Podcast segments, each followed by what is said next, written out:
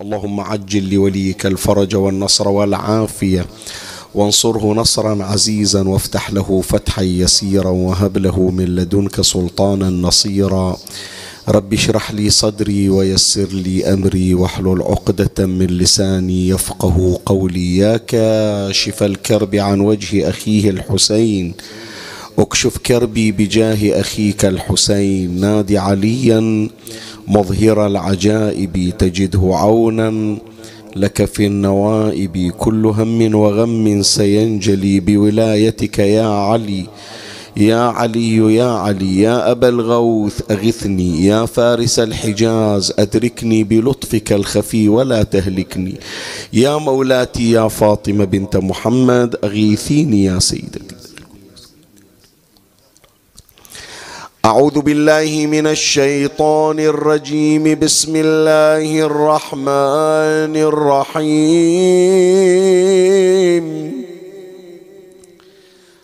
وصلى الله على سيدنا ونبينا محمد وآله الطاهرين.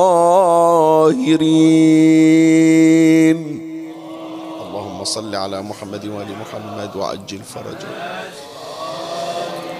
إن الله وملائكته يصلون على النبي. يا أيها الذين آمنوا صلوا عليه وسلموا تسليما.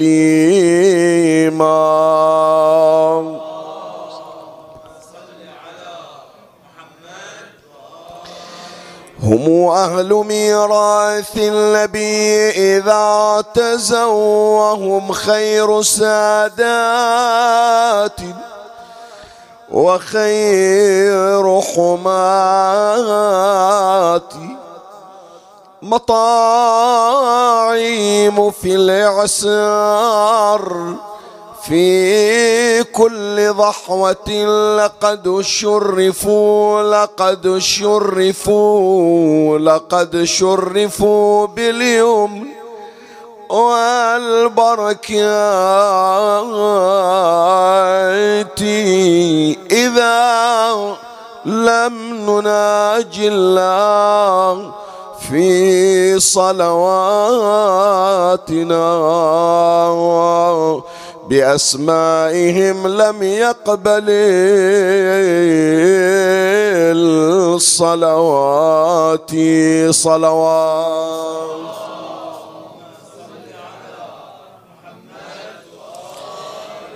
لذ الدهتك الرزايا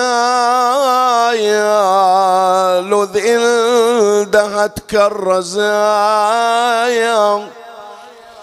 لو ذل دهتك الرزايا والدهر عيشك نكاد بكاظم الغيظ موسى وبالجواد محمد.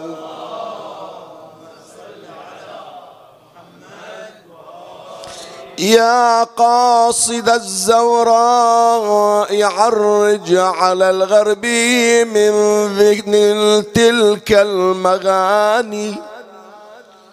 أيا قاصد الزوراء عرج على الغرب من تلك المغاني ونغون عليك خلعان وأنا عليك اخلع له وأخضع إذا لاحت لديك القبتان فتحتهما لديك من نار موسى ونور محمد متقابلان.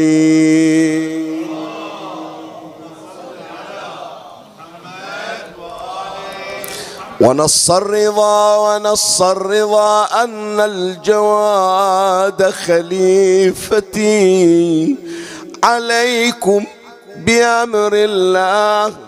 يقضي ويحكم. هو ابن ثلاث كلم الناس هاديا كما كان في المهد المسيح يكلم صلوات.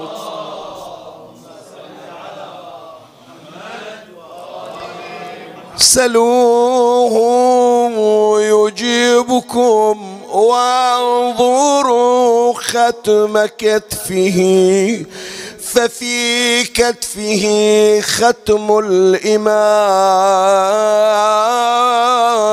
يختم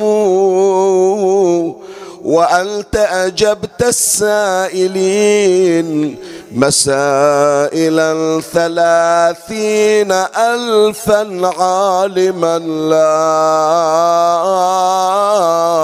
تعلم صلوات.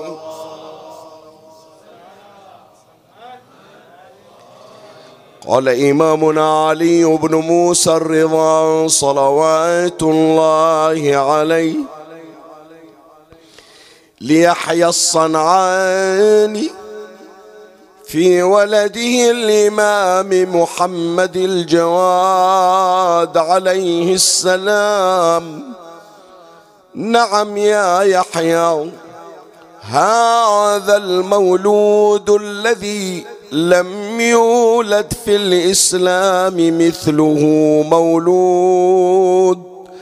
أعظم بركة على شيعتنا منه لذكر إمامنا الجواد الصلوات.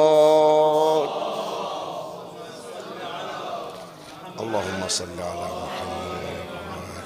مولاي الكريم اسمعني وفرغ لي قلبك واعرني سمعك وأقبل علي بكلك. وهذه ليلة مختصة بذكر إمامنا التاسع من أئمة أهل البيت جواد الأئمة محمد بن علي صلوات الله وسلامه عليه. أسعد الله أوقاتكم وأدام السرور والفرح عليكم وصرف عنكم السوء والبلاء ببركة هذه الليلة وبركة صاحبها. دلالة هذا النص الشريف الوارد عن الإمام علي بن موسى الرضا عليه السلام أن هناك بركة عظمى أنزلها الله تبارك وتعالى على شيعة أهل البيت. وهذه البركة العظمى متمثلة في إمامنا صاحب الذكرى الإمام الجواد عليه السلام. فالإمام الرضا عليه السلام لما يقول هذا المولود الذي لم يولد في الإسلام مولود أعظم بركة منه على شيعتنا. يعني هو البركة العظمى. الإمام الجواد البركة العظمى على الشيعة. طيب. هذا يفتح أمامنا تساؤل. التساؤل الأول إذا كان الإمام الجواد عليه السلام هو البركة العظمى إذا أين جده المصطفى صلى الله عليه وآله؟ هل يضاهي النبي شيء؟ هل يقابل النبي شيء؟ هل هناك أعظم بركة من وجود رسول الله صلى الله عليه وآله؟ طيب بعد النبي منه أمير المؤمنين سلام الله عليه. أمير المؤمنين وما له من المقام وما له من الشأن. لا تضاهي بعد رسول الله بركة كبركة أمير المؤمنين عليه السلام. فشلون نوفق بين حديث الإمام الرضا عليه السلام في حق ولده الإمام الجواد الذي يخبر بأنه أعظم بركة. ما ولد مولود في الإسلام يعني مو فقط في ذاك الوقت. ما ولد مولود في الإسلام أعظم بركة على شيعتنا منه. شن نخلي لها والطيب مثل ما يقولون؟ ماذا نصنع ونعالج من خلال ما تقدم التعارض بين هذا الحديث وبين منزلة النبي ومنزلة المصطفى صلى الله منزلة المصطفى صلى الله عليه وآله ومنزلة المرتضى عليه السلام. هذا التساؤل الأول. التساؤل الثاني شلون يعني بركة الإمام الجواد شلون؟ إلا هي بركة لا تضاهيها بركة. إذا سالفة كرم وجود أهل البيت كلهم أهل الكرم. ونحن نعلم عن كرم إمامنا الحسن عليه السلام حتى سمي بكريم أهل البيت. إذا قضية شفاء خو أهل البيت أيضا كذلك. الله تبارك وتعالى جعل الشفاء على أيديهم. في الزيارة الرجبية عندنا زيارة تقرأ لكل المعصومين في هذا الشهر الكريم. أولادي بناتي إخواني أخواتي. حطوا بالكم لأنه يمكن كثير من الطقوس الأوراد الأذكار يمكن إحنا غافلين عنها. نكتشفها بعد انقضاء شهر رجب. منها أنه في شهر رجب يستحب لك أن تزور المعصومين عليهم السلام. مو فقط الإمام الحسين في النصف من شهر رجب مو بس الإمام الرضا عليه السلام في النصف من شهر رجب مو بس أمير المؤمنين عليه السلام في يوم المبعث لا. كل المعصومين من نبينا محمد إلى قائم آل بيت محمد. عجل الله فرجه الشريف. يسمونها الزيارة الرجبية تحصلها موجودة في مفاتيح الجنان. زيارة المعصومين عليهم السلام. سلام عليكم بما صبر بما صبرتم طبتم فنعم عقب الدار. أنا سائلكم وآملكم فيما إليكم التفويض وعليكم التعويض فبكم يجبر المهيض ويشفى المريض وما تزداد الأرحام وما تغيب.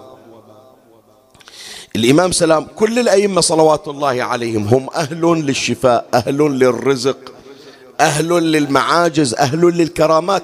فشنو ميزة الإمام الجواد؟ اللي يعبر عنه أبوه الإمام الرضا بأنه أعظم بركة على الشيعة. شنو هذه البركة الموجودة عند الإمام الجواد عليه السلام؟ فإذا حديثي لهذه الليلة حول هذا المعنى. معنى أن الإمام الجواد صاحب هذه المناسبة هو البركة العظمى على شيعة البيت وسأجعل الحديث إن شاء الله في بحث هذه الليلة منقسما إلى فصلين أبحثهما إن شاء الله على التوالي. ومن الله أستمد العون والتوفيق. ومن مولاي أبي الفضل العباس المدد وألتمس منكم الدعاء.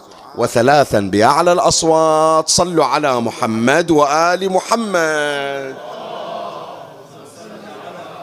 اللهم صل على محمد.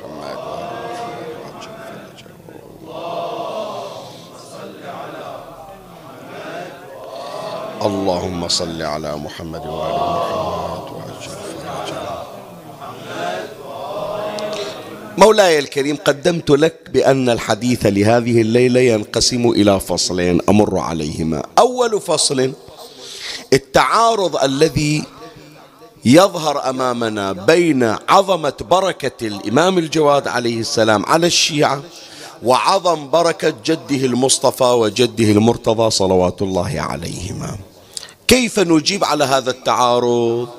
هل أن الحديث الوارد عن الإمام الرضا ننقضه نقول ما نقبله لأنه أعظم بركة على الإسلام والمسلمين والشيعة. النبي ومن بعده علي ما يصير الإمام الجواد؟ فننقض هذا الحديث؟ لا ما ننقض هذا الحديث. إذا ما هي المعالجة؟ المعالجة أن هذا الحديث يا إخواني يبين عظمة بركة الإمام الجواد عليه السلام مع استثناء النبي وأمير المؤمنين عليه السلام. يعني أنت لما تقول بأن الحسين مميز أو الإمام الرضا مميز أو الإمام الجواد مميز أو إمامنا صاحب الزمان عجل الله فرجه الشريف مميز هذا التميز اللي عند أهل البيت أول تشيل النبي وثانيا تشيل الإمام علي عليه السلام لأنهما خارجان كما يقال منطقيا تخصيصا. شأن النبي شأن مختلف شأن علي شأن مختلف. يعني لما نذكر سائر الناس بما فيهم الأئمة عليهم السلام لا يقاس بجدهم المصطفى أحد ولا يقاس بجدهم المرتضى أحد. تماما أيضا حط بالك اللي تابعوا ويانا البارحة والليلة قبل الماضية كنا نتكلم عن فضل شهر رجب وأنه من الأشهر الحرم ومن الأيام المميزة شهر عظيم مبارك. بعضهم يجي يسأل النبي صلى الله عليه وآله يقول له يا رسول الله أنت تبين لنا عظمة شهر رجب؟ زين وشهر رمضان شلون؟ إذا قلت بأن رجب شهر عظيم. رجب شهر مبارك. إذا عظمة شهر رمضان عظمة وبركة شهر رمضان شلون؟ فالنبي صلى الله عليه وآله يقول شهر رمضان لا يقاس بسائر الشهور. يعني إحنا لما نبين لك عظمة شهر رجب نبين لك عظمة 11 شهر. شيل الشهر ال 12 وهو شهر رمضان هذا لا يقاس بسائر الشهور.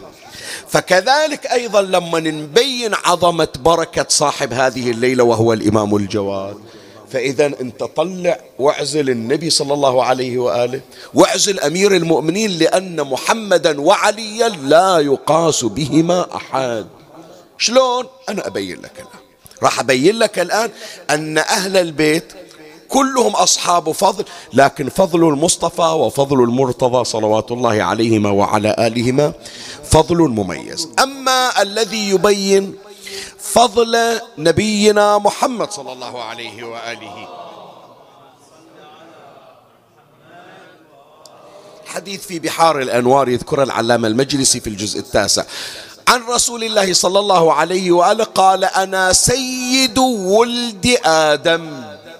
شوف التعبير ولد آدم يعني سيادة لرسول الله على 124 ألف نبي. وعلى كل من ولد من آدم بما فيهم أمير المؤمنين وفاطمة والحسن والحسين والأئمة من ذرية الحسين. الأشرف عليهم منه نبي الرحمة محمد صلى الله عليه وآله. قال أنا سيد ولد آدم ولا فخر وأنا خاتم النبيين وإمام المتقين ورسول رب العالمين. صلوا على محمد. اللهم صل على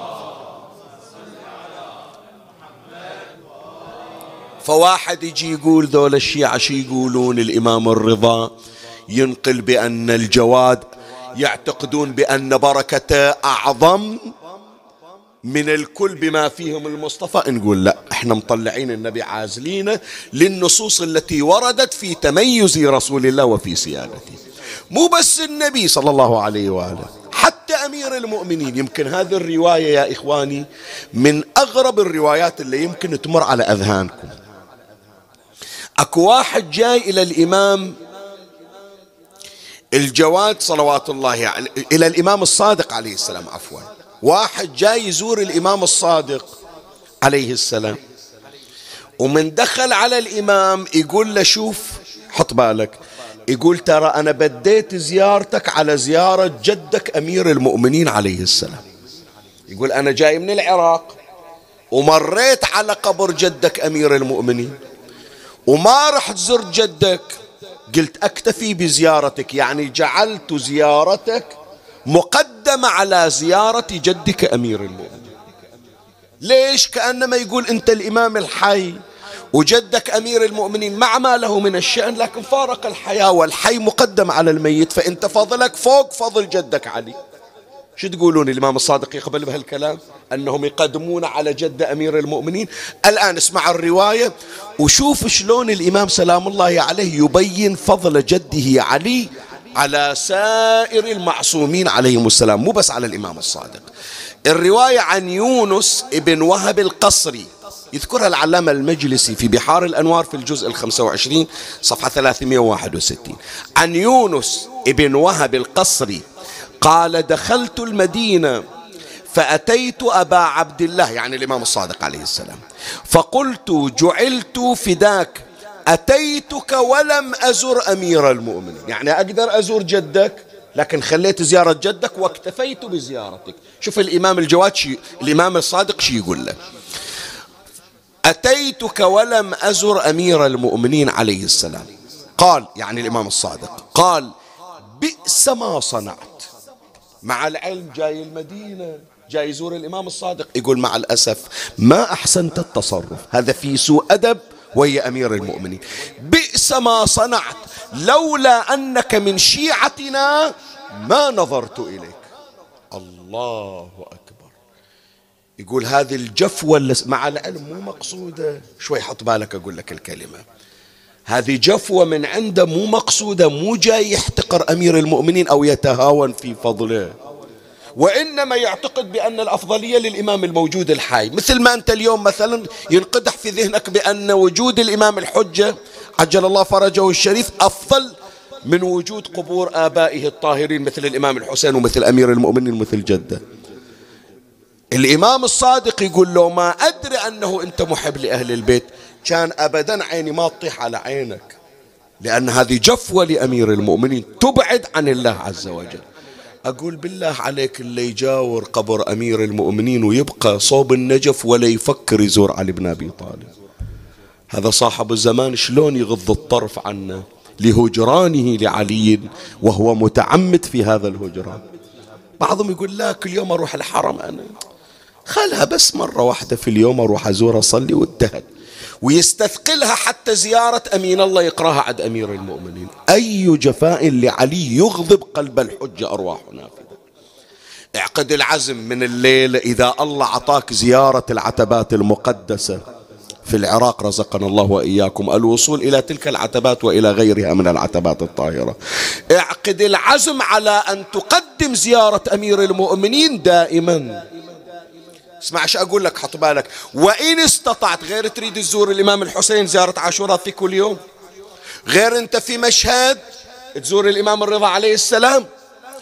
أينما أردت أن تزور أحد الأطهار من أهل البيت فقدم زيارة أمير المؤمنين عليه السلام. انت ما زاير الحسين عليه السلام. في كربلاء وكل يوم من تقرأ دعاء علقمه أنت في كربلاء وزاير الحسين. لكن من تقرأ زيارة دعاء علقمة يا أمير المؤمنين ويا أبا عبد الله أنا زائركما. وين زين؟ علي بن أبي طالب في النجف أنا في كربلاء. لا أقدم علي في عليا في كل مكان. لأن تجاهل أمير المؤمنين عليه السلام يوجب غضب أهل البيت. أعيد لك العبارة حتى تعرف مقام أمير المؤمنين عليه السلام. قال بئس ما صنعت لولا أنك من شيعتنا ما نظرت إليك. ألا تزور من يزوره الله مع الملائكة ويزوره المؤمنون؟ إلا زاهد في زيارته ترى الله يزور علي بن أبي طالب. يزوره الله مع الملائكة ويزوره المؤمنون. وين ماكو مؤمن؟ روح إلا تزور علي بن أبي طالب. قلت, جع... قلت جعلت في ذاك ما علمت ذلك. الآن حط بالك للعبارة اللي يمكن هي قلت لك تسبب لك غرابة وذهول من تسمعها. والرواية أكرر يذكرها العلامة المجلسي في بحار الأنوار. شوف فضل علي قياسا بفضل سائر المعصومين باستثناء النبي صلى الله عليه وآله. شوف العبارة. قال فاعلم أن أمير المؤمنين أفضل عند الله من الأئمة كلهم. أعيد لك العبارة. فاعلم أن أمير المؤمنين أفضل عند الله من الأئمة كلهم وله ثواب أعمالهم. يعني الحسين من يصلي الإمام صاحب الزمان من يصلي صاحب هالليلة الإمام الجواد من يصلي من يصوم من يحج من يزور. ثواب أعمال الأئمة ينتقل إلى جدهم أمير المؤمنين علي بن أبي طالب عليه السلام. فلهذا أنت من تزور أمير المؤمنين شو تقول له؟ السلام عليك يا ميزان الأعمال. اللي يضبط أعمالك شنو؟ حب علي بن أبي طالب عليه فإذا إحنا نرد على هذا الشخص المتوهم إلا من يمر عليه الحديث خلي أقرأ لك الحديث عن الإمام الرضا يقول هذا المولود الذي لم يولد في الإسلام مثله مولود أعظم بركة على شيعتنا من فيقول زين إذا الإمام الجواد أعظم بركة على الشيعة هو البركة العظمى. النبي وين راح؟ علي بن أبي طالب وين راح؟ فإحنا ذكرنا يا إخواني روايات تبين بأن النبي لا تقاس ببركته بركة وأمير المؤمنين لا يقاس ببركته شيء لأنهم وضع استثنائي. ثم بعد هذا نقول بأن البركات تتفاوت والبركة العظمى بعد بركة محمد وعلي. في الإمام الجواد سلام الله عليه. طيب هذا الجواب الأول. الجواب الثاني حط بالك. غير المقام يعني خل مقام النبي صلى الله عليه وآله خل مقام أمير المؤمنين عليه السلام خل مقام الصديقة الزهراء عليها السلام. عندنا شيء يسمونه خصوصيات. الخصوصية ما لها علاقة بالمقام يا إخوان. شلون؟ خلي أبين. هذا الآن اللي راح أقوله سابق لموعده. موعده عقب ليلتين ثلاث إن شاء الله. أيهما أعظم يا إخواني؟ سؤال. أيهما أعظم؟ محمد أو علي؟ شو تقولون؟ رسول الله صلى الله عليه وآله. هو أشرف الخلق. تمام لولا؟ فحتما من حيث رفعة المقام وعظمته فمقام رسول الله أعظم وأرفع من مقام أمير المؤمنين عليه السلام. طيب فمن أولى أن يولد في الكعبة؟ النبي لو علي. إذا منقول بأن الولادة في الكعبة لصاحب المقام الأعظم فمن باب أولى الذي يولد في بطن الكعبة الكعبة منه رسول الله صلى الله عليه وآله. ليش ولد أمير المؤمنين ولم يولد رسول الله في الكعبة؟ هذه يسمونها خصوصية. الله عز وجل اختصه اختص أمير المؤمنين أتحفه. شوف رسول الله. ما أعطاه الله زوجة بحجم فاطمة الزهراء عليه السلام. لكن أعطى الله هذه الزوجة صاحبة هذا المقام إلى أمير المؤمنين عليه السلام. رسول الله ما جعل ولادته في الكعبة. جعل الولادة في الكعبة إلما؟ لأمير المؤمنين عليه السلام. ولا يعني ذلك بأن صاحب الخصوصية مقامه أعلى من لا رسول الله صاحب المقام الأعلى صاحب مقام النبوة. لكن خص الله عليا عليه السلام. خص الله أمير المؤمنين بهذه الخصوصية. ومثلها أيضا ومثلها أيضا إمامنا الحسين عليه السلام. حط بالك. عن محمد ابن مسلم قال سمعت أبا جعفر وجعفر ابن محمد. يعني الإمام الباقر والإمام الصادق يرويان ينقلان هذا الأمر.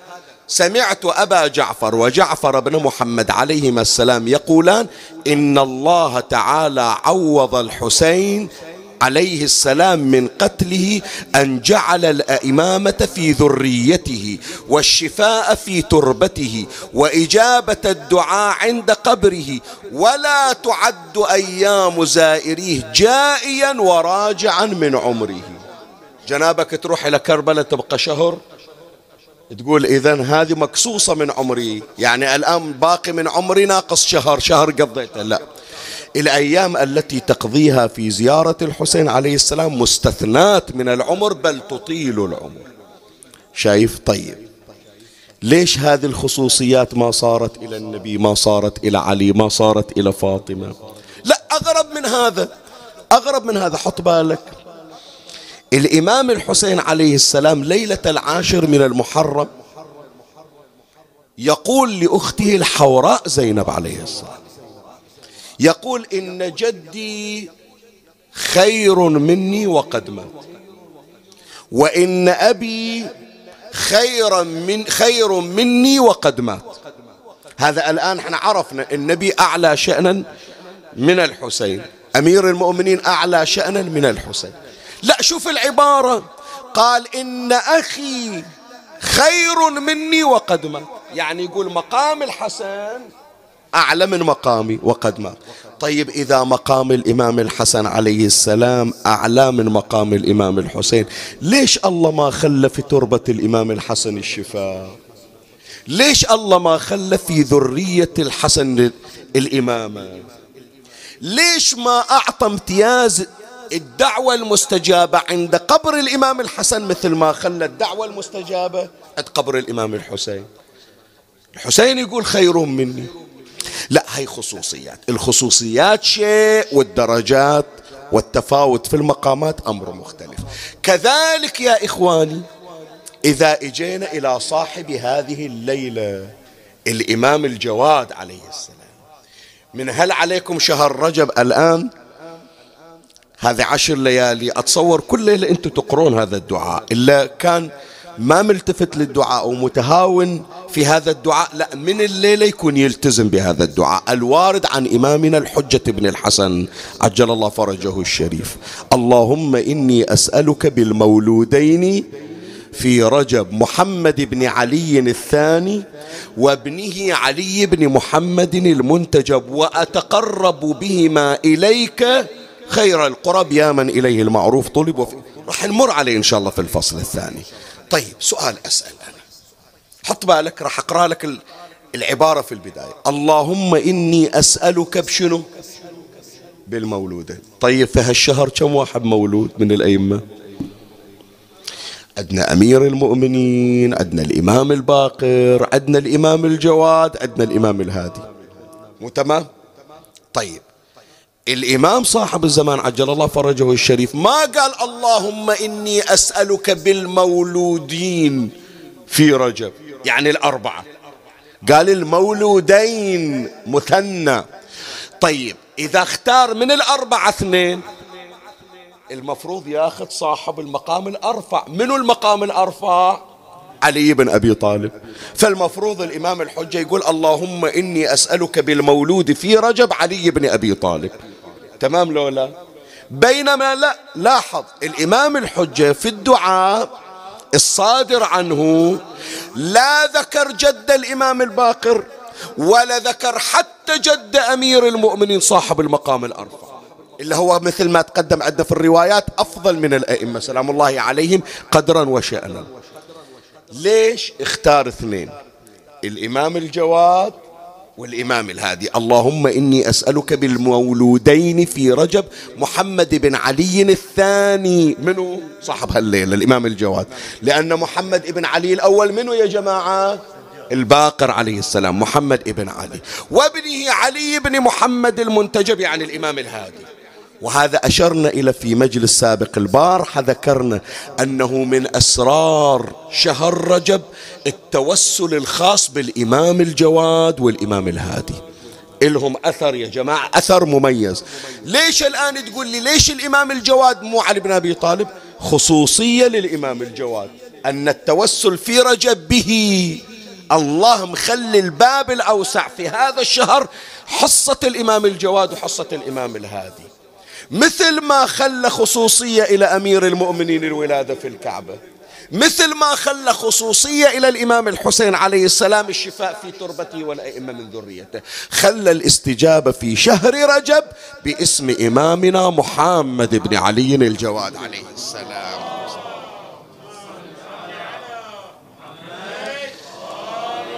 فهذا الفصل الأول جاوبنا فيه على الإشكال المقدر وهو هل أن عظمة بركة الإمام الجواد عليه السلام على شيعته أعظم من بركة جده المصطفى وجده المرتضى صلوات الله عليه؟ ما قلنا لا. طبعا ذيلاك مستثنى ذيلاك خارجين تخصيصا خارجين تخصيصا. لكن عند الإمام سلام الله عليه خصوصية وقد ذكرنا ذلك بلا بما لا مزيد عليه.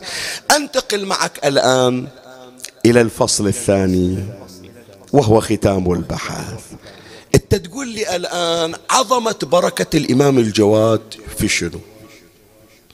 إذا شفاء المرضى شفاء المرضى هم نسمعها إلى غيره جده الإمام الكاظم عليه السلام أيضا إذا قصده المريض يشفى. أي نعم. أبوه الإمام الرضا كريم ورؤوف إذا قصده صاحب الحاجة يرجع بالحاجة. فإذا شنو خصوصية الإمام الجواد؟ بركة الخاصة. إلا أبوه الرضا يقول أعظم أعظم بركة على شيعة على شيعتنا الآن أبين لك. واحدة منها يا إخواني أن الإمام الجواد عليه السلام حط بالك للعبارة لأن هذه جدا نقاط مهمة في هذه الليلة. واحدة من عظمة بركة الإمام الجواد عليه السلام أنه مصدر قدوم الإمام الحجة بن الحسن عجل الله فرجه الشريف. يعني الذي كان سببا في وجود الإمام المنتظر إلا هو باب قدوم الإمام المهدي إلا هو ببركته جاء الإمام المهدي. منو؟ الإمام الجواد. تقول إيش معنى؟ زين هو الإمام الجواد جد المهدي. هو محمد ابن الحسن ابن علي ابن محمد فهو جد أبوه. ليش ما صار مصدر قدوم الإمام المهدي جد الإمام الهادي؟ ليش ما صار جد الرضا؟ إيش معنى إلا الإمام الجواد؟ لا أهل البيت يقولون بأن سبب مجيء الإمام المهدي هو جده الإمام الجواد عليه السلام. خلي أقرأ لك الرواية الواردة. عندنا يا جماعة رواية جدا مهمة. يسمونها رواية اللوح الأخضر. اللوح الأخضر شنو؟ اللوح الأخضر قطعة من زبرجد من الجنة.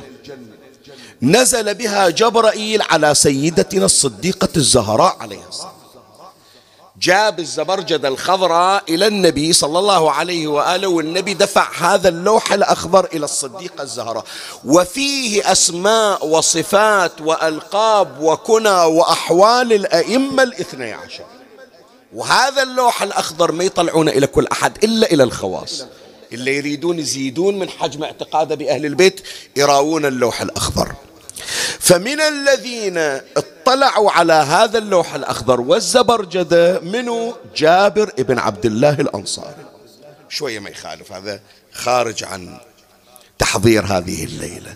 شقد عظمة جابر يا إخواني؟ إلا هو من خواص الصديقة الزهراء عليه. إيش كبر هذا؟ مولاتي فاطمة ما تلتقي بكل أحد ولا تكلم أي أحد. إلا الخواص. واحد من الخواص منه جابر. إذا فتحت الليلة مفاتيح الجنان وقريت حديث الكساء.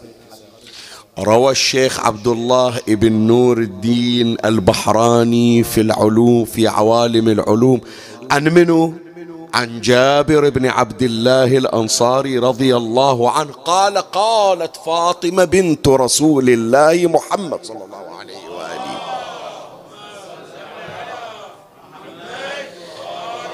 فهذا حديث الكساء اللي تقراه ناقلنا إلنا جابر. منو اللي علم جابر حديث الكساء؟ مو علي ولا الحسن ولا الحسين ولا رسول الله. صديقة النساء فاطمة عليها السلام. إيش كبر جابر اللي تختص الزهراء؟ اللي تختص الزهراء في تلقينه الأمور الخاصة. اللي ما حد يدري عنها. واحدة من الأمور التي لقنتها فاطمة الزهراء لجابر هذا اللوح الأخضر اللي ما يطلعون لأي أحد. فأنت احسب الرواية اقراها وحللها بهذه الصورة. أولا اللوح الأخضر لا يطلعون أحدا عليه إلا الخواص ومن الخواص جابر. ثانيا هذا اللوح الأخضر اللي ما يطلعونه إلا إلى الخواص منو طلع على جابر؟ صديقة النساء فاطمة. شكبرة جابر. شكبرة شكبرة. إلا الإمام سلام الله عليه يقول له عمي جابر. زين العابدين يقول له عمي. يعني أخو أبويا الحسين. الإمام الباقر يقول عمنا جابر. شكبرة جابر؟ فمولاي الكريم جابر ابن عبد الله الأنصاري من طلعت مولاة الزهراء عليه السلام. هذا اللوح الأخضر هذا اللوح الأخضر. وعرضته على جابر. ومر جابر يقرأ في هذا اللوح الأخضر في الزبرجدة الخضراء على أسماء وصفات الأئمة المعصومين. شوف من إجا إلى صفة الإمام الجواد صاحب هذه الليلة. خلي أقرأ لك العبارة. العبارة أيضا يذكرها العلامة المجلسي في بحار الأنوار في الجزء 36 صفحة 203 قال يعني في اللوح الأخضر. ومحمد هذا كلام الله تبارك وتعالى. مكتوب في اللوح الأخضر وعند الصديقة الزهراء ومحمد الهادي إلى سبيلي. منه يعني الإمام الجواد. ومحمد الهادي إلى سبيلي. الذاب عن حريمي والقيم في رع... في رعيته. حسن أغر يخرج منه ذو الاسمين علي والحسن والخلف محمد يخرج في آخر الزمان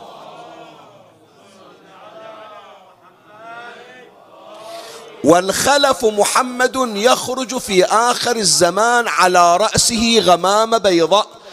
تظله من الشمس. الآن وصف الإمام الحجة. ينادي بلسان فصيح يسمع الثقلين والخافقين وهو المهدي من آل محمد يملأ الأرض عدلا كما ملئت جورا. طيب هذا كلام الله لا كلام شيخ ياسين ولا كلام أي أحد. في اللوح الأخضر اللي نازل به جبرائيل يقول أن الإمام الحجة خرج ممن؟ من الإمام الجواد. لا قال خرج من الرضا لا قال خرج من الكاظم لا قال خرج من الحسين خرج من الجواد عليه السلام.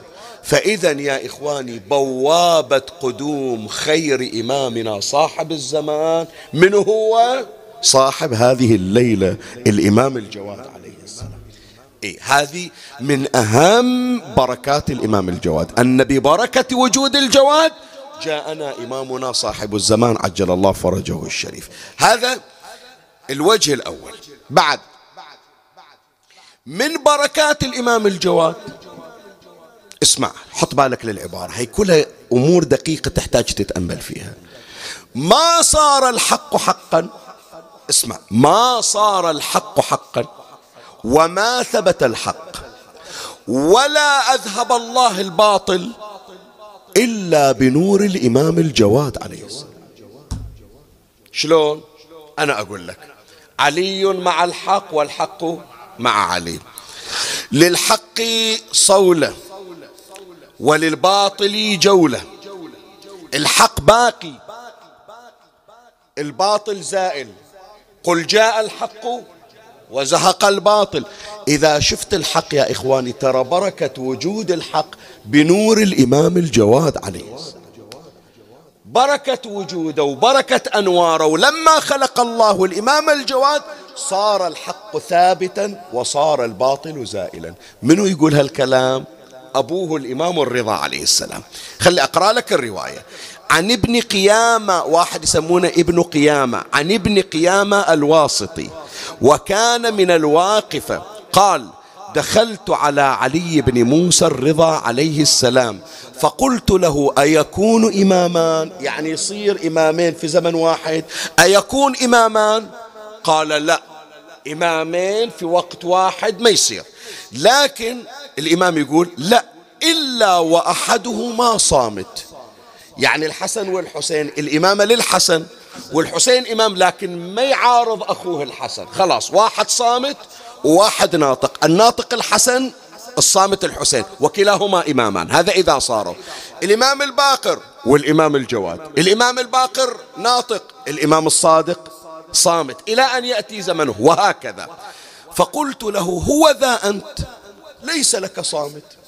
هذا أنت إمام الآن موجود أبوك موسى ابن جعفر مات ولا عندك إمام من أولادك. شوف الإمام الرضا عليه السلام ماذا يقول. هو يقول له هو ذا أنت ليس لك صامت ولم يكن ولد له أبو جعفر عليه السلام. بعد بعدما جابه الإمام الجواد. فقال والله ليجعلن الله مني ما يثبت به الحق. هذا شاهدنا. ما يثبت به الحق وأهله ويمحق به الباطل وأهله. فولد له بعد سنة أبو جعفر محمد الجواد عليه السلام. فالليلة يا أحبائي أريد أقول هالكلمة وحطوها في بالكم ولا تنسونها. حق الإمام الجواد عليكم. صلوات الله عليه. إذا رأيت في قلبك سعادة الحق تقول الحمد لله رب العالمين. إحنا على خط أهل البيت. وإحنا الطائفة المحقة. وإحنا المذهب الحق. وإحنا الدين الحق. وإحنا الفرقة الناجية. وإحنا على حق إن شاء الله. فاعلم بأن نعمة الحق الذي أنت فيه ببركة صاحب هذه الليلة. الإمام محمد الجواد عليه السلام. وإذا شفت نفسك مندفع إلى الحق يساومونك على أن تترك التشيع ولاية أمير المؤمنين تقول مستحيل أتخلى عن ولاية علي. وتندفع نحو زيارتهم ونحو الحضور في مجالسهم ونحو محبتهم. وترى نفسك مندفعا بالصلاة عليهم إذا ذكر محمد وآل محمد صلوات الله عليه. يعني.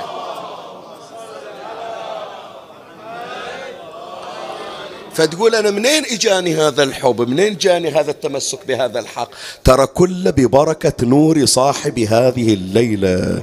الإمام الجواد عليه السلام. بالإمام الجواد ثبت الحق عند أهل الحق. وإذا شفت الباطل راحوا. أهل الباطل راحوا والباطل انحسر فإن الذي أسهم ببركته أسهم في زوال الباطل نور الإمام الجواد عليه السلام. فإذا من أسرار الإمام ومن عظمة بركته أن ببركة نوره ثبت الحق لأهل الحق. وزال الباطل وزال أهل الباطل. هذا اثنين. الثالث والأخير وهو ختام المجلس. طيب. إحنا يا جماعة الآن منو الإمام الحي اللي موجود الذي نعتقد بإمامته؟ إمامنا صاحب العصر والزمان الحجة بن الحسن. فإحنا إذا عدنا حاجة نلجأ إلى الله بمنو؟ بصاحب الزمان. مو صحيح؟ مرت علينا دائما أنا أشير إليها قصة الرمانة وصاحب الرمانة يوم اللي صار الوجود الشيعي مهدد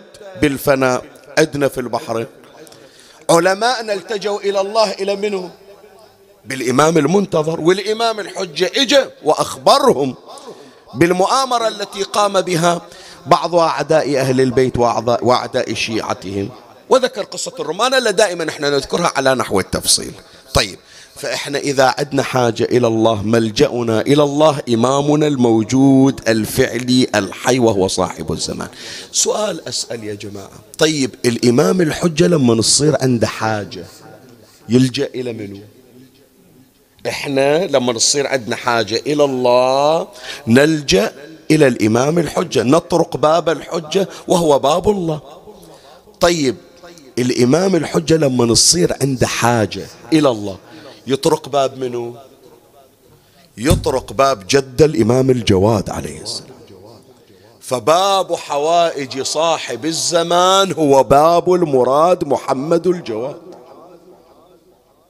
أعيد الكلمة حتى تعرف عظمة صاحب هالليلة وحتى تتحسف تقول أنا شقد مقصر ويا الإمام الجواد ما فكرت أستعين بالله عن طريقه وأعرض حوائجي عليه. أقول إذا صارت عندك حاجة فباب الحوائج إلى الله إمامك الموجود صاحب الزمان.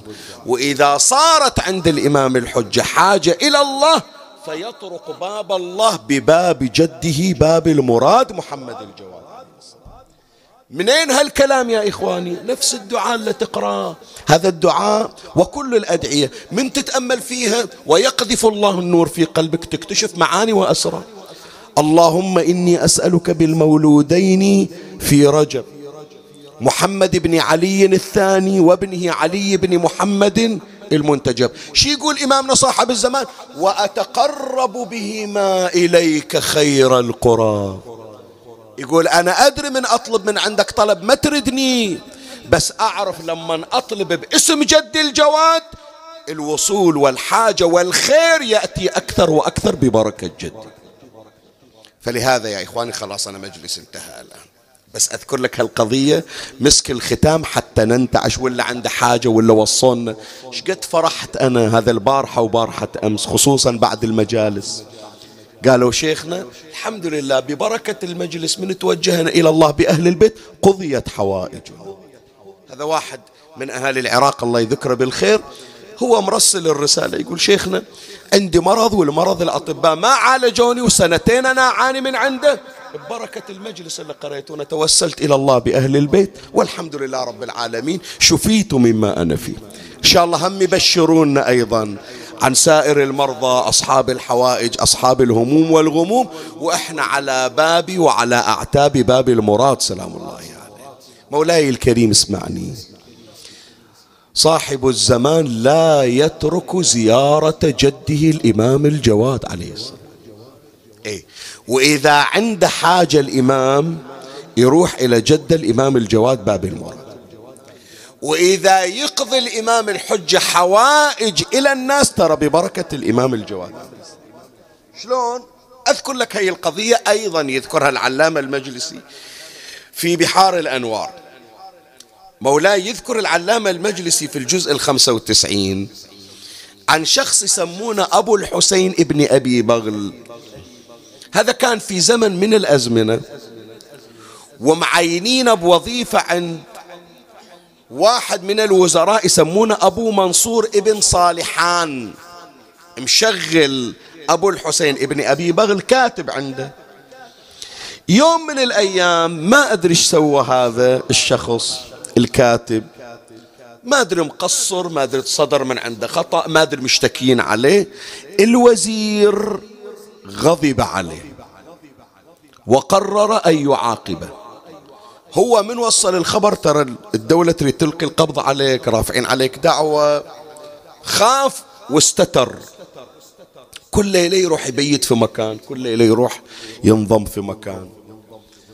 ذيك الليالي والم أيام مطر وأيام شتاء والناس ما تطلع من بيوتها. قال ماكو عندي ملجأ إلا قبر باب الحوائج موسى بن جعفر وباب المراد محمد الجواد صلوات الله عليه. فإجا إلى حرم الإمامين سلام الله عليهما. والقيم هناك يسمونه أبو جعفر أبو جعفر القيم. من تخلص الناس الصلاة؟ سدوا الحرم قفلوا الحرم. اجى هذا أبو الحسين إلى القيم أبو جعفر يعرفه قال له يا معود ترى أنا مظلوم ويطالبون بي ويريدون يذبوني سجن ويمكن أقتل وأنا كل ليلة في مكان قال إي والله حتى أهلك يسألون عنك أصحابك قال والله وضعي خطر وأنا الليلة ما عندي مكان قال له زي شو أسوي؟ قال أريد من عندك بس تفتح لي باب الحرم أنا الليلة أريد ابيت أد باب الحوائج وباب المراد. قال له ما يخالف، قال له راح أطب إلى الحضرة وقفل علي باب الحضرة. من يطلعون الزوار المصلين يختلي الحرم تروح تيسر. بس اقفل علي الباب وأنا الليلة راح أبيت. من تجي تفتح باب الحرم أنا أروح أنضم وأصلي صلاة الصبح وأمشي. كل ليلة أنا أروح أبيت في مكان. قال له خير. فأدخله أبو جعفر القيم.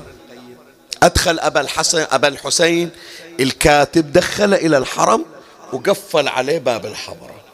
وظل وحده بين الضريحين بين ضريح موسى بن جعفر ومحمد الجواد. الله يرزقنا وإياكم إن شاء الله الوصول زين. هنيانا إي والله ذيك الليلة. ما حد وياه. وفي خلوة مع الله وعند الإمامين. يقول الباب مقفل باب الحضرة مقفل باب الحرم مقفل. بينما أنا في تهجدي وإذا بشاب عليه ثياب بيضاء. وعليه عمامة بيضاء وقد تحنك بها وألقى ذؤاب على ظهره وعليه رداء يقول شفته إجا يقول أنا في صلاتي وفي تهجدي. شفت هذا الشاب أبو الثياب البيضاء إجا. وقف عند قبر الإمام باب الحوائج موسى ابن جعفر. وسلم على آدم وعلى الأنبياء من أولي العزم. ثم سلم على نبينا محمد صلى الله عليه وآله.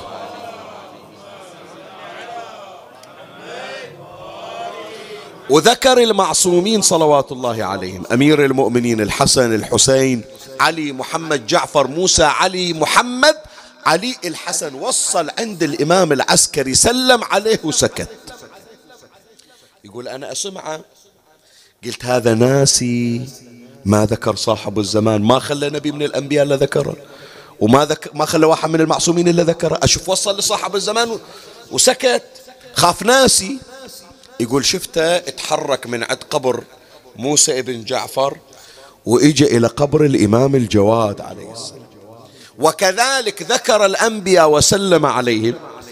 ثم ذكر المعصومين من أمير المؤمنين إلى الإمام العسكري. ومن وصل إلى صاحب الزمان ما ذكر صاحب الزمان. وهذه إشارة. يقول أنا صار بقلبي قلت الظاهر مو ناسي. هذا يمكن ما يعتقد بصاحب الزمان ما عنده اعتقاد. وصل للعسكري وخلاص بعد ما يعتقد بوجود إمام غائب. يقول ثم التفت إلي.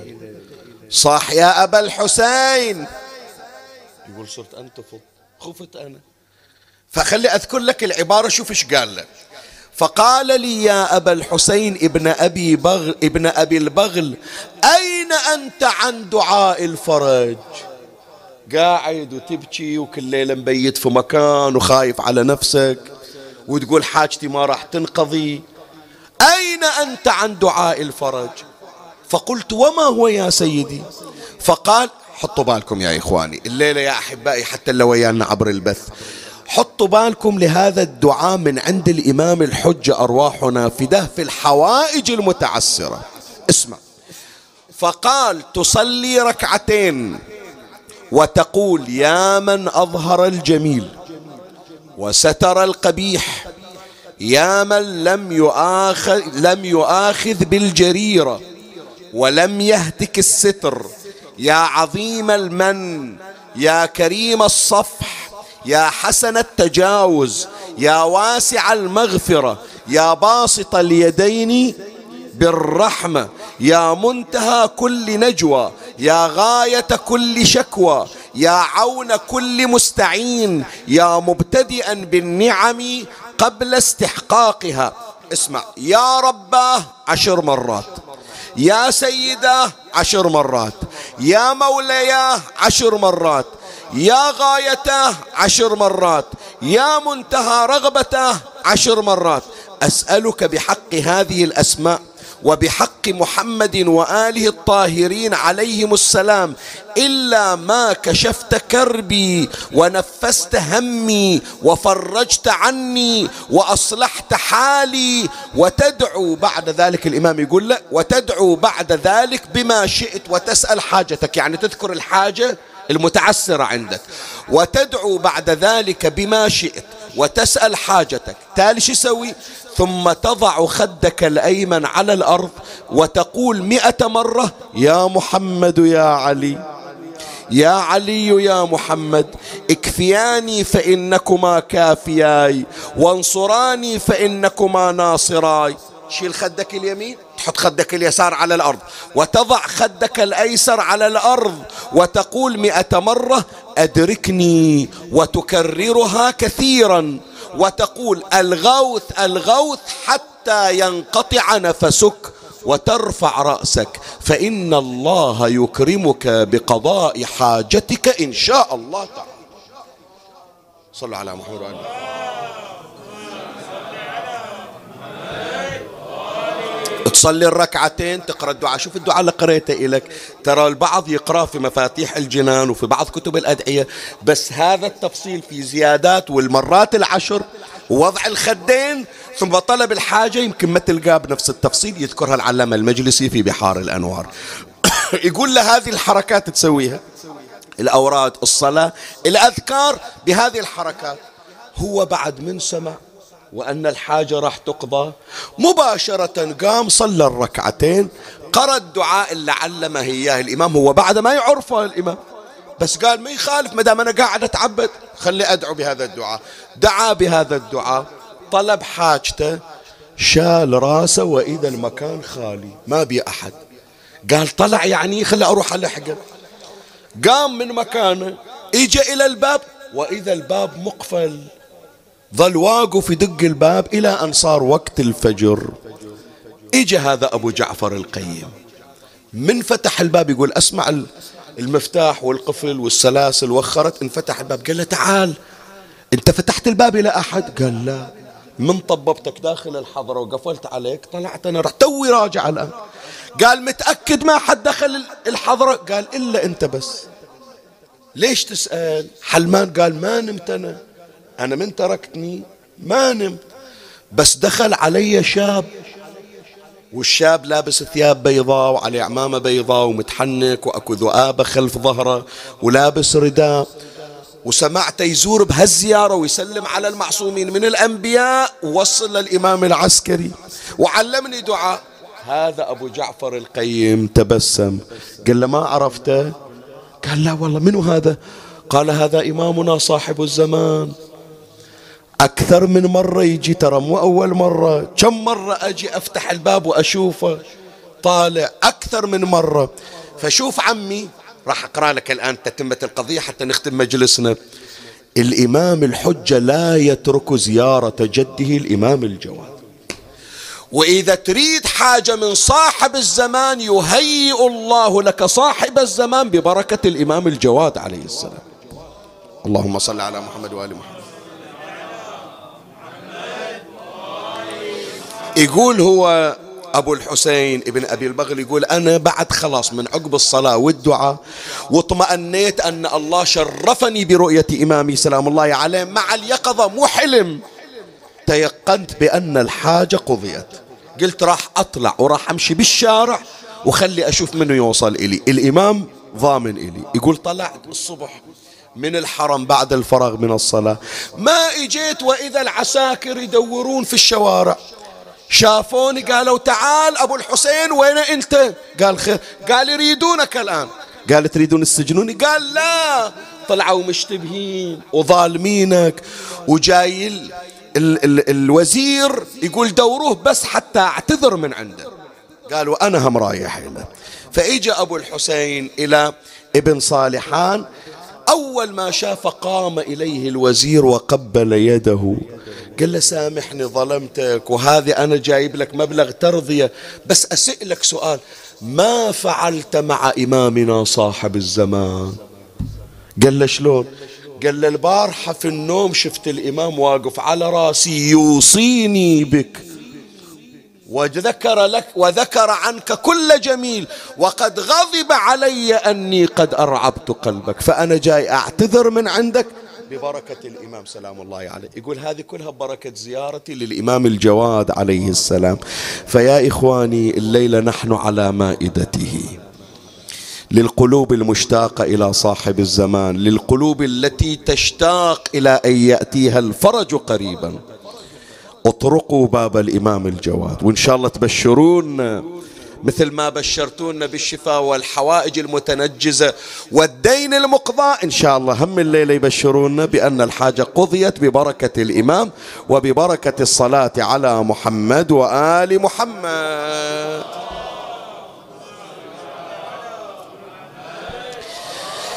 فيا أحبائي إذا علمنا بأن الإمام صاحب الزمان كل ليلة لازم يزور جد الإمام الجواد، الليلة اريدها مجلسنا يفرح قلب الإمام الحجة، حتى في بيوتكم. الليلة فرحة أريد ببيوتكم يسمعكم الإمام المنتظر فرحانين بمولد جدة بصلوات بأعلى الأصوات. نعم هكذا.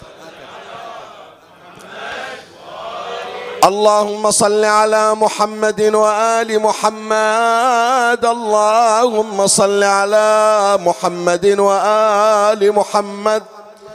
اللهم صل على البشير النذير. والسراج المنير والطهر الطاهر والبحر الزاخر والعلم الفاخر والمصطفى الأمجد والنبي الممجد والرسول المسدد من سمي في السماء بأحمد وفي الأرض بأبي القاسم. إيه صوتك خلي أسمع. إيه؟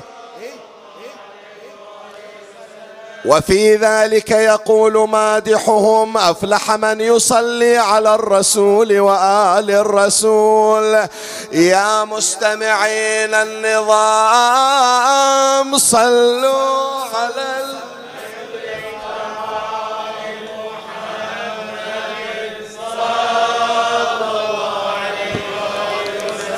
هم أهل ميراث النبي إذا اعتزاوا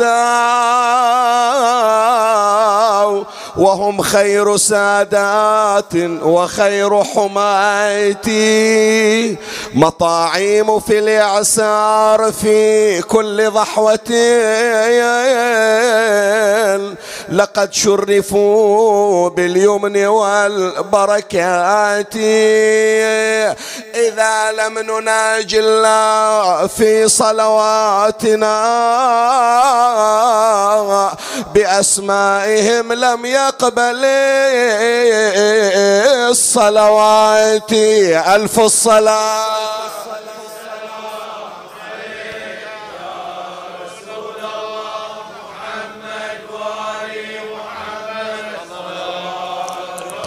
اللهم صل على محمد وآل محمد. أسعد الله أوقاتكم وبارك الله حياتكم.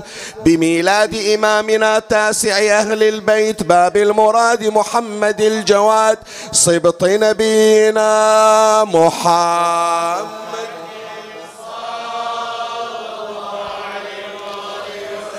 تولد إمامنا عليه السلام من أبوين كريمين فأبوه ثامن الأئمة وضامن الجنة علي بن موسى الرضا عليه السلام وأمه سيدة طاهرة نوبية من جنوب مصر في من منطقة يقال لها نوبا وهي من أهل بيت ماريا القبطية أم إبراهيم زوجة النبي محمد.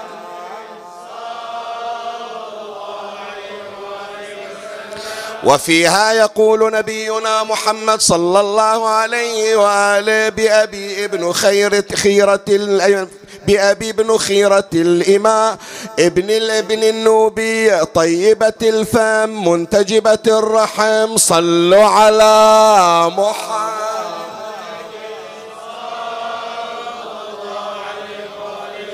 وفي ذلك يقول مادحهم أفلح من يصلي على الرسول وآل الرسول. يا مستمعين النظام صلوا على حوائجكم يا إخواني. الصوت اعلى يكون أهل بيت الطهر من دنسين ولهم في الحشر أسمى الدرجات وإذا ما ذكروا في مجلسين ارفعوا أصواتكم بالصلوات. ألف الصلاة.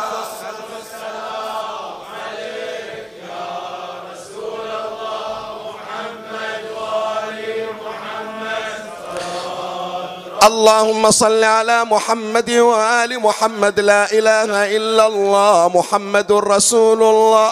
علي وأولاده أولياء الله بمحمد ختمت النبوة.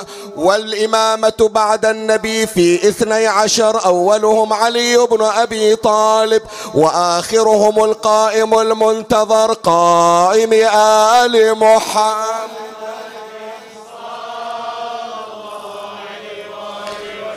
وقالت سيدتنا حكيمة بنت الإمام موسى بن جعفر عليه السلام صبط النبي محمد.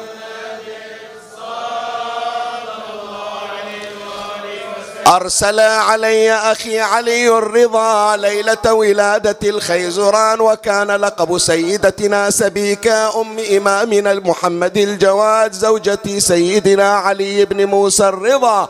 فجئتها وقال الزميها فجلست عندها. قالت ووضع بين يديها طستا ثم أغلق الباب علينا. وفي ساعة ولادتها بأبي جعفر انطفأ المصباح فاغتم اهتممت لذلك فلما قمت لإصلاح المصباح وقع الإمام الجواد في الطشت. أفضل الصلاة.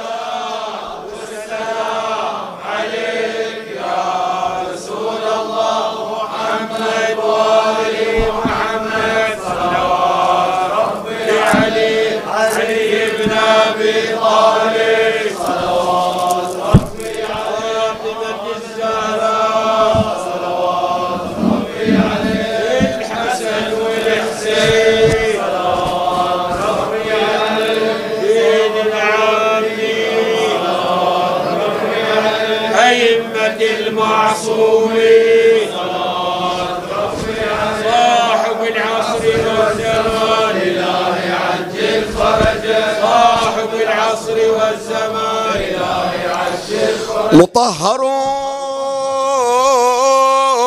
لقيات ثيابهم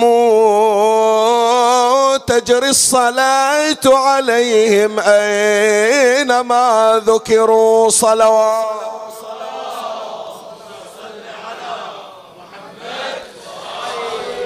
قالت سيدتنا حكيمة ووقع لله ساجدا في الطشت وعليه غشاء أبيض رقيق وقد أضاء البيت من نور إمامنا الجواد وهو من نور نبينا محمد.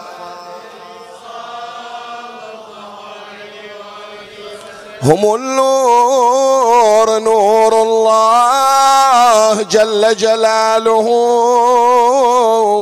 هم التين والزيتون والشفع والوتر صلوات.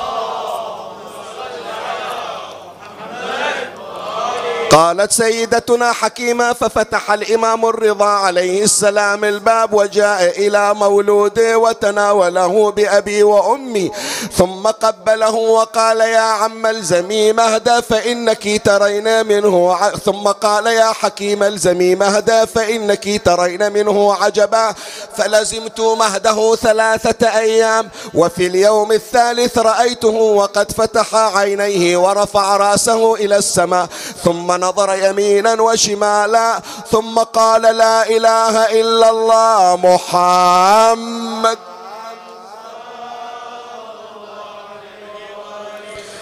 قالت فقمت فزعة مذعورة فلقيني أخي الرضا قال يا حكيم ماذا؟ قال رأيت منه عجبا ثم أخبرته بالخبر فقال إمامنا عليه السلام وما ترون من عجائبه أكثر وأكثر وفي ذلك يقول ذا مادحهم أفلح من يصلي على الرسول وآل الرسول. يا مستمعين النظام صلوا.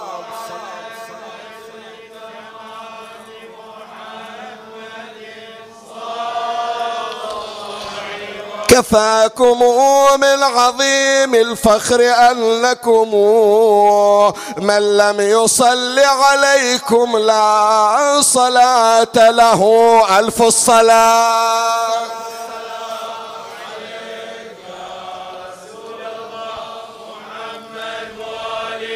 أسماء أهل البيت للتحرز وقضاء الحوائج علي بي على الأصوات. علي بن أبي طالب. إيدك رافع عنها وطالب حاجتك. فاطمة الزهراء. بأعلى الأصوات. إيه؟ الحسن والحسين. إيه؟ زين العابدين. محمد الباقر. جعفر الصادق.